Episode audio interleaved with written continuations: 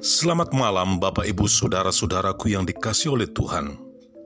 Dengarkan acara Renungan Malam bersama saya, Sabta Baralaska Utama Siagian, setiap malam. Dan kiranya melalui renungan malam ini, kita semakin dikuatkan, semakin bertumbuh di dalam Kristus Yesus.